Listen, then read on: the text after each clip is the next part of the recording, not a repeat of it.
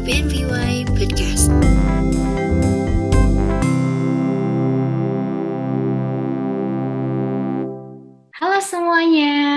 Selamat datang kembali di podcast OIA yang ketiga bersama aku Ayesa Amanda Nisa. Nah, kali ini di podcast OIA yang ketiga ini kita akan membahas tentang scholarship series dengan tema The Journey Study in Hungary. Dan kali ini podcast ini akan mengumpas tuntas tentang persiapan dan strategi untuk melanjutkan studi di luar negeri dan juga beasiswanya loh. Hmm, menarik banget gak sih? Aku tuh udah punya narasumber yang luar biasa kece, parah, dan keren. Langsung aja nih aku sambut ya, Kak Agra Adipta. Halo Kak Agra. Halo Aisyah, apa kabar? Alhamdulillah baik. Gimana Kak kabarnya di sana? Alhamdulillah baik juga di sini. Hmm, oke oke. Kalau di Hungaria itu, ini jam berapa nih sekarang Kak? Sekarang ini udah setengah dua siang. Oh, lagi iya ya jam setengah dua siang ya. Oh ya, Kak Agra nih lagi sibuk nggak ya kita mau take podcast ini? Oh enggak kok, ini baru aja masuk liburan Natal dan Tahun Baru. Jadi kebetulan ini emang lagi kosong. Oh iya, oke. Alhamdulillah ya ternyata tuh nggak sibuk guys Kak Agranya. Langsung aja yuk kita tanya-tanya ya.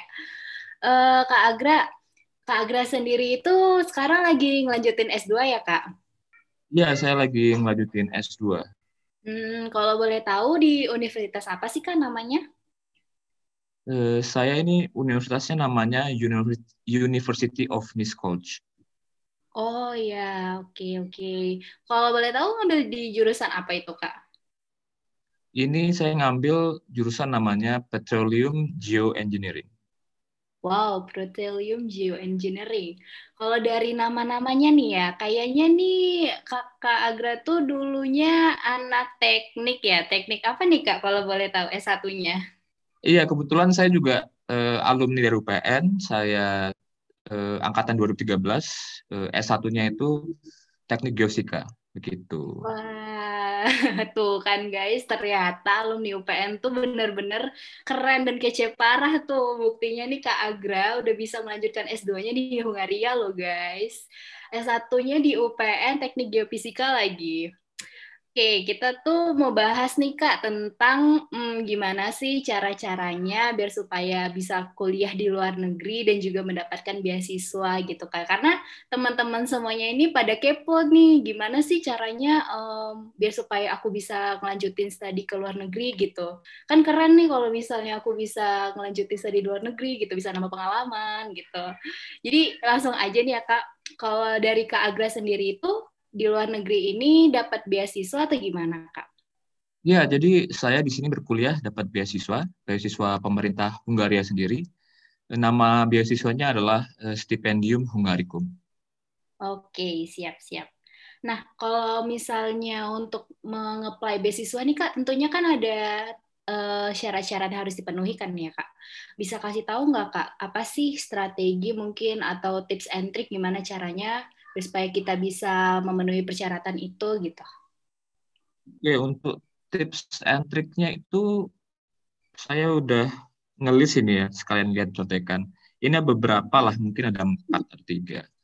Eh, Jadi yang pertama ini eh, kamu harus tahu tujuan kamu, kamu harus tahu eh, jurusan yang kamu tuju karena itu akan membantu proses seleksi dari beasiswa kamu.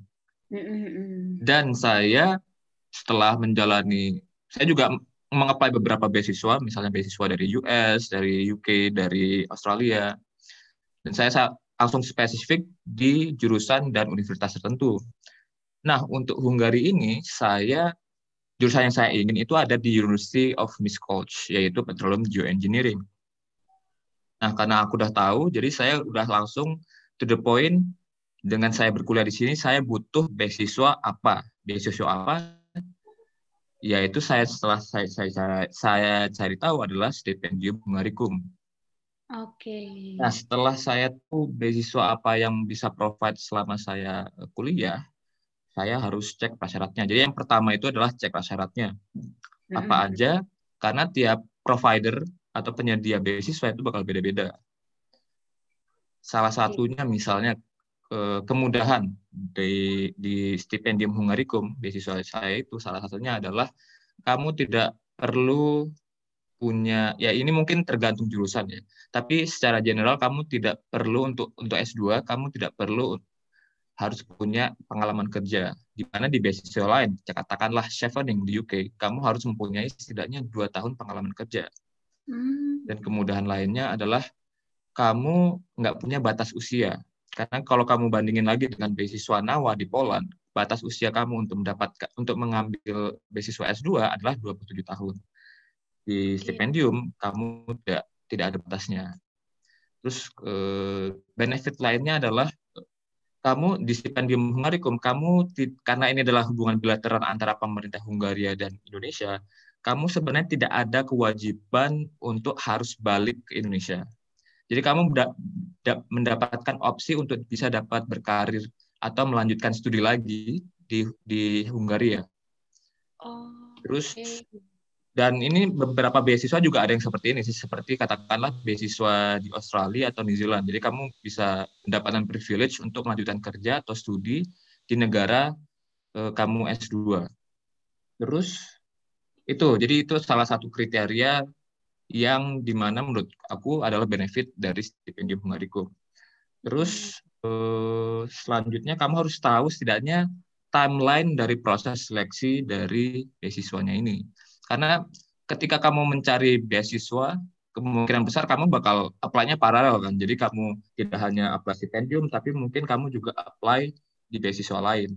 Jadi kamu setidaknya tahulah timeline atau lini masa atau schedule dari beasiswanya itu. Jadi kamu setidaknya bisa mengestimasi, oh kira-kira udah bulan segini nih.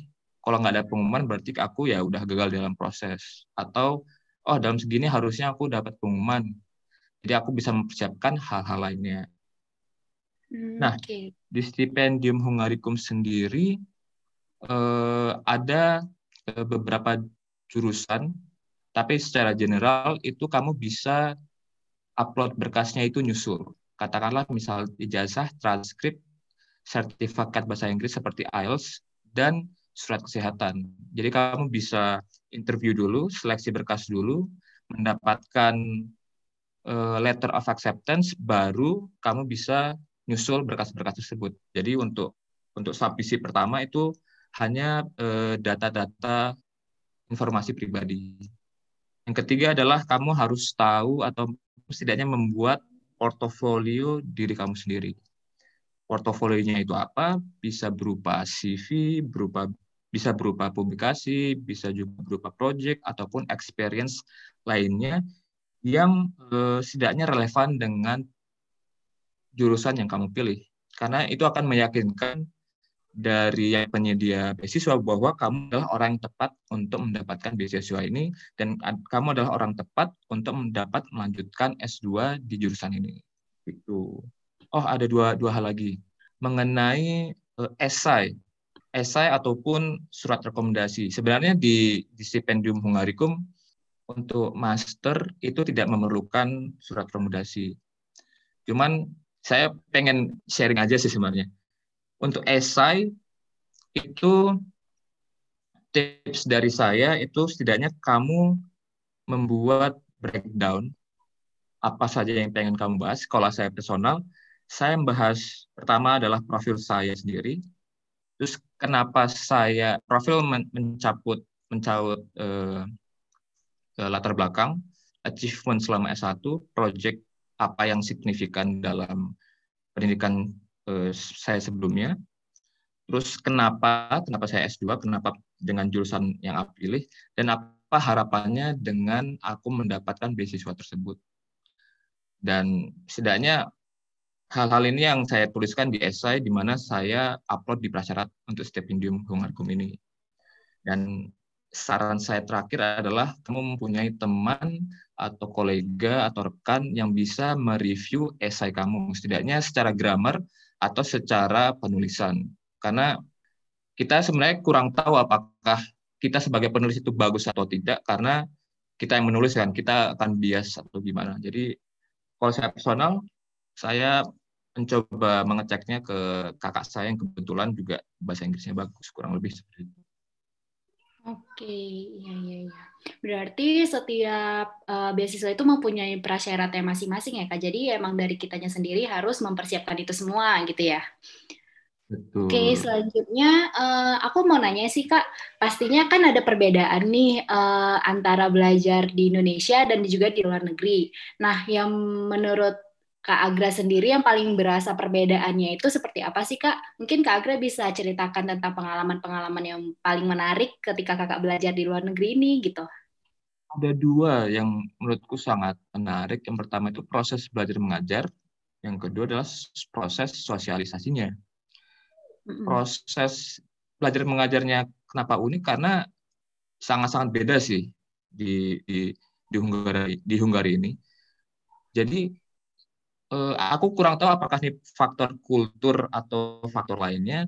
Cuman ketik uh, di waktu di kelas antara dosen dan mahasiswa itu sangat dekat dan uh, dosennya ini tuh merasa keberatan kalau mahasiswanya belum mengerti gitu.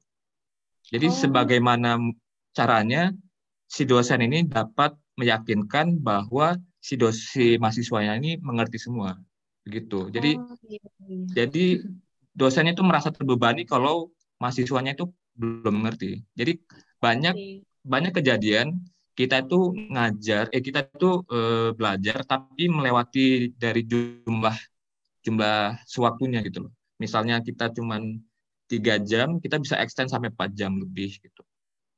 Dan dan emang terlihat panjang ya kuliahnya empat jam, lima jam. Cuman di sini kita itu satu SKS itu satu jam, cuman kita punya jatah break 15 menit. Nah, 15 hmm. menit itu benar-benar break. Jadi 15 menit kita boleh ke toilet, kita boleh eh, makan, kita boleh minum, kita boleh ngerokok misalnya kamu merokok. Jadi benar-benar dalam break itu kamu boleh keluar gitu loh. Boleh makan siang, boleh segala macam. Gitu okay. sih. Terus dalam proses belajarnya apa ya? Ujian.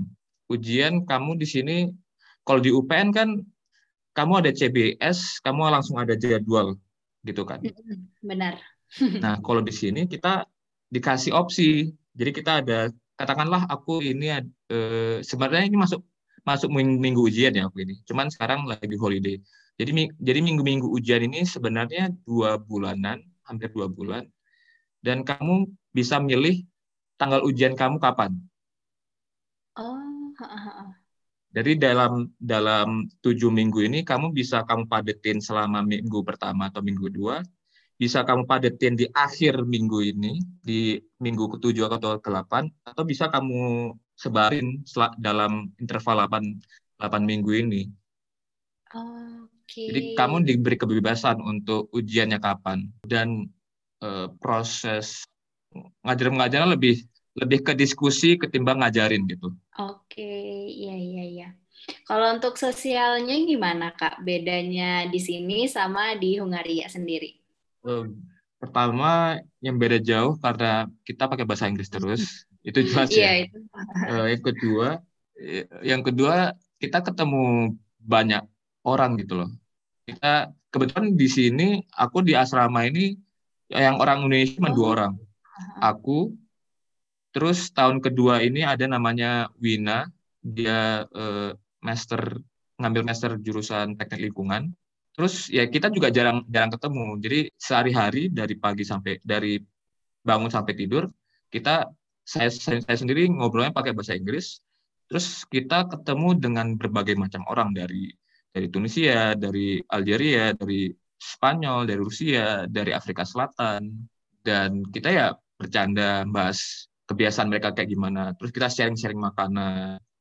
Terus seperti aku misalnya bawa tolak angin aku pamerin kayak gimana itu tolak angin segala macam. Iya iya iya. Gitu. Oke, berarti uh, selain kita bisa mengasah skill kita dalam berbahasa Inggris, kita juga bisa memperluas uh, jaringan pertemanan kita ya kak. Jadi kita bisa bertemu dengan orang-orang yang uh, berasal dari negara-negara lainnya yang ada di dunia ini gitu dan bisa belajar tentang kebudayaan-kebudayaan mereka juga tentunya ya kak. Oke, wah kayaknya kedengarannya betul, asik betul, banget betul. ya kalau misalnya kita lulus beasiswa ke luar negeri gitu.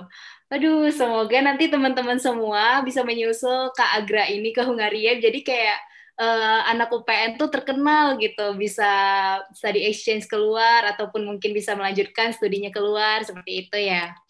Oke Kak Agra, terima kasih Kak Agra atas uh, pe, apa ya penjelasannya karena menurut aku sih ini sangat-sangat memotivasi kita semua untuk bisa melanjutkan studi di eh, di luar negeri ataupun bisa belajar lagi lebih giat biar supaya lulus nih beasiswanya gitu. Sedangkan tadi Kak Agra bilang kalau misalnya untuk um, mengapply beasiswa itu kita harus mempersiapkan diri kita, harus melihat timelinenya dan juga harus mempersiapkan portofolionya.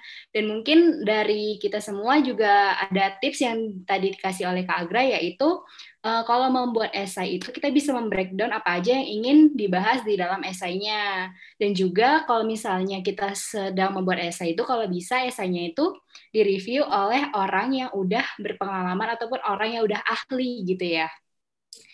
Oke, terima kasih ya Kak Agra ya udah mau menyempatkan waktunya di podcast OIA kita yang ketiga ini.